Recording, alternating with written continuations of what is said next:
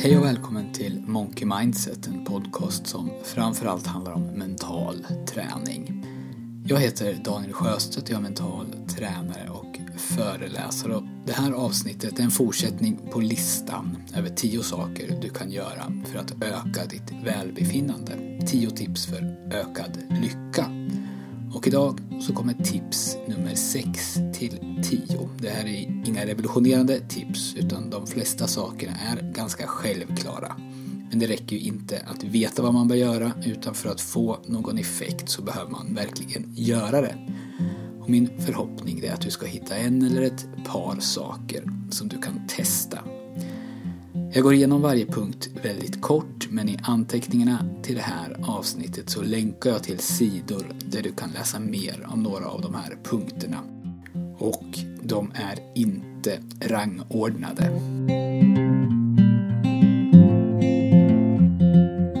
Tips nummer 6 handlar om motion och om jag hade rangordnat då hade nog motion kommit överst. Vi är gjorda för att röra på oss. och Om vi inte gör det i tillräckligt stor utsträckning så riskerar vi till och med att bli deprimerade. Kanske vet du att det i vissa fall skrivs ut motion på recept för personer som är deprimerade. Motion har visat sig ha samma effekt som antidepressiva medel. Men att träna ger så många positiva effekter, både psykiskt och fysiskt, att det är värt att börja prioritera att få in en träningsvana även om du inte känner dig deppad. Du kommer att öka din upplevda livskvalitet utan tvekan. Träning ökar endorfinerna i hjärnan vilket innebär att du kommer att uppleva att du mår bättre. Det minskar också nivåerna av kortisol och adrenalin som är ämnen eller hormoner som påverkar stress. För den som inte rör på sig, som kanske inte har tränat på 10 eller 20 eller ännu fler år, så kan det här kännas som en klen tröst. Att gå från noll till att bli en sån som tränar, det innebär för många en så stor förändring att det inte ens känns lö lönt att börja. Men det här sitter till stor del i ditt eget huvud. Du har en identitet just nu, en bild om vem du är. Och så har du en bild av människor som tränar och att skifta din nuvarande identitet till den av någon som tränar det känns helt enkelt inte realistiskt. Därför så behöver du börja smått, ta ett långsiktigt perspektiv och kom ihåg vad vi pratade om i avsnitten som handlade om vanor. Sätt ett superlågt mål och fokusera på att börja göra någonting regelbundet. Tips 7. Tänk på ditt språk. Både när du pratar med dig själv och när du pratar med andra. Vilka ord du väljer har stor betydelse för hur du uppfattar saker och ting och hur du uppfattas av andra. Likaså hur du pratar, vilket tonfall du har. Man kan säga att du alltid ser världen genom ett filter.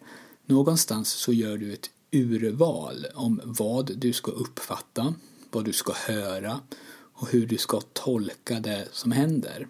För det är omöjligt att se eller ta in allt som händer runt om oss så någonstans så sållar du. Och vilket filter du använder det har betydelse och ditt språk påverkar ditt filter och ditt filter påverkar ditt språk. För om du till exempel tänker eller säger att det där går inte eller det där är fel eller det där tycker jag inte om så kommer du att uppfatta världen utifrån de här förutsättningarna. Du ser saker som du inte vill göra, som inte fungerar och som du inte tycker om. Och om du vet var du ska titta så är det ju inga problem att hitta sådana saker. Det är inte ett problem för någon. Men om du istället tänker och säger hur kan vi lösa det? Eller det där var bra gjort. Eller vilka resurser har vi som kan hjälpa oss att klara det här? Så kommer du att se världen genom det filtret. Och din hjärna kommer att ställa in sig på den våglängden. Att se bra saker och att hitta lösningar. Det här är bara exempel, men att klaga och gnälla det är sällan konstruktivt. Det riskerar att skapa blockeringar som hindrar lösningar och när andra hör dig klaga över någonting eller över någon person så drar de ofta slutsatsen att du är sån när de inte är där också och då kanske du klagar på dem. Och det kommer förstås att påverka miljön som du verkar i, på ditt jobb kanske, eller hemma. Och om du är positiv och generös med dina ord, även mot sådant som inte är där och hör dig just då, så kommer det också att påverka din miljö, fast på ett annat sätt. Människor kommer i större utsträckning att vilja vara där du är och de kommer att anförtro sig åt dig. Precis samma verklighet alltså, samma grundförutsättningar, men beroende på hur du använder dina ord så kommer den att uppfattas på helt olika sätt av er som befinner er i den. Och troligtvis så kommer den här verkligheten också att utvecklas på helt olika sätt.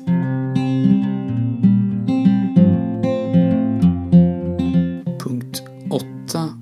Ge av dig själv till andra.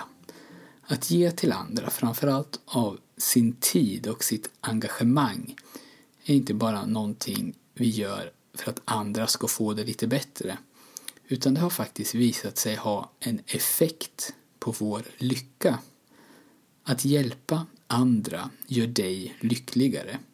Du kommer att bli mer tillfreds och du kommer att uppleva en större mening i ditt liv. Och din självkänsla kommer att förbättras och du kommer också att uppleva att du blir en del av ett större sammanhang. Och de här sakerna, de är mycket viktiga när det gäller att må bra.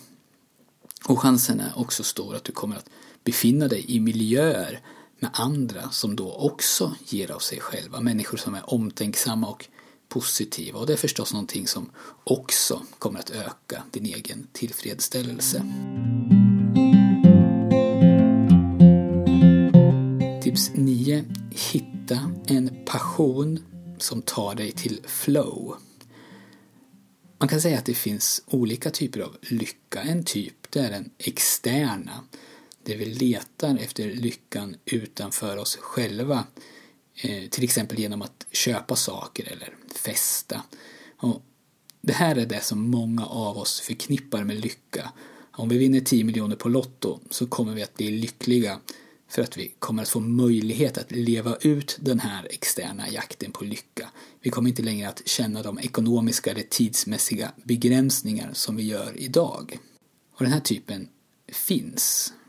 Men den varar inte så länge och den kräver mer och mer hela tiden. Man kan säga att kickarna behöver bli starkare och starkare för att ge samma effekt.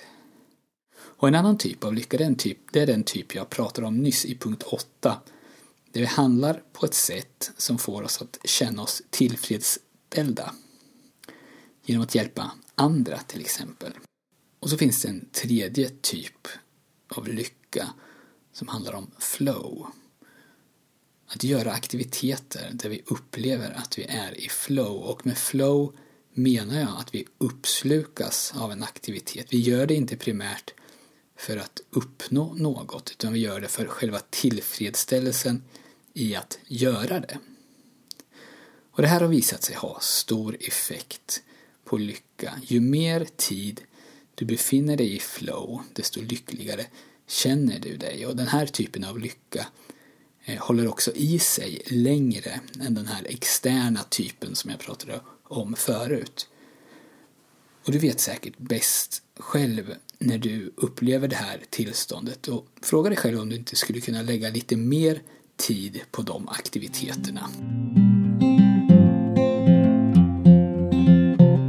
Nu har vi kommit till punkt 10 och då så kommer jag göra som vissa smartskaft gör när man får frågan vad man skulle göra om man bara fick en enda önskning där man kunde få vad som helst. Vissa säger då att då skulle jag önska mig tio önskningar till. Och den tionde punkten, det blir ytterligare en sån här tio i topp-lista. Jag ska berätta om en spännande studie som gjordes på universitetet i Canterbury i Nya Zeeland en forskare i psykologi som hette Karsten Grimm gjorde ett experiment där han smsade personer tre gånger per dag på slumpmässiga tider. De här personerna levde sina liv som vanligt men när de fick smset så skulle de berätta vad de gjorde just då och hur de kände inför det de gjorde. Forskaren samlade alltså in de här uppgifterna i realtid så det blev inga efterhandskonstruktioner eller försköningar. Eller risken för det minskade åtminstone. Så här kommer först de tio saker som människor rankade högst som gav dem mest tillfredsställelse. Och sen kommer de tio saker som människor rankade lägst som gav dem minst tillfredsställelse i stunden. Nummer ett på listan är sex.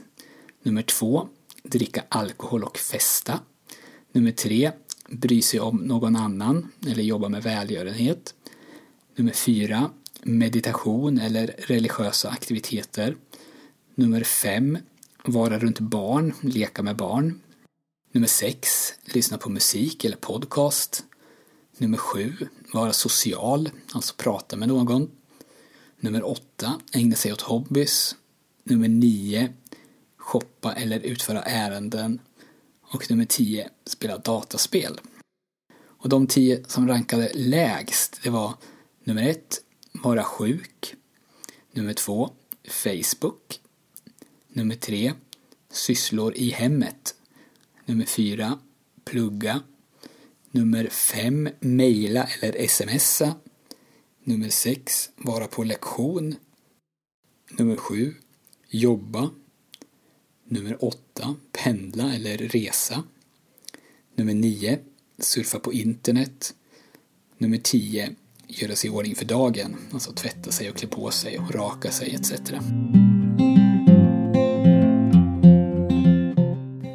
Du vet väl att du kan få det du behöver för att komma igång med mental träning av mig och det kostar inget. Om du signar upp dig för mitt nyhetsbrev på monkeymindset.se så skickar jag dig de fyra ljudband som ingår i min app Mental träning. Och ljudbanden heter Slappna av, Gå djupare, Självkänsla och Målbilder. Och om du tycker om podden så skulle jag uppskatta en recension på iTunes. Det var allt för den här gången. Tack för att du har lyssnat och vi hörs snart igen.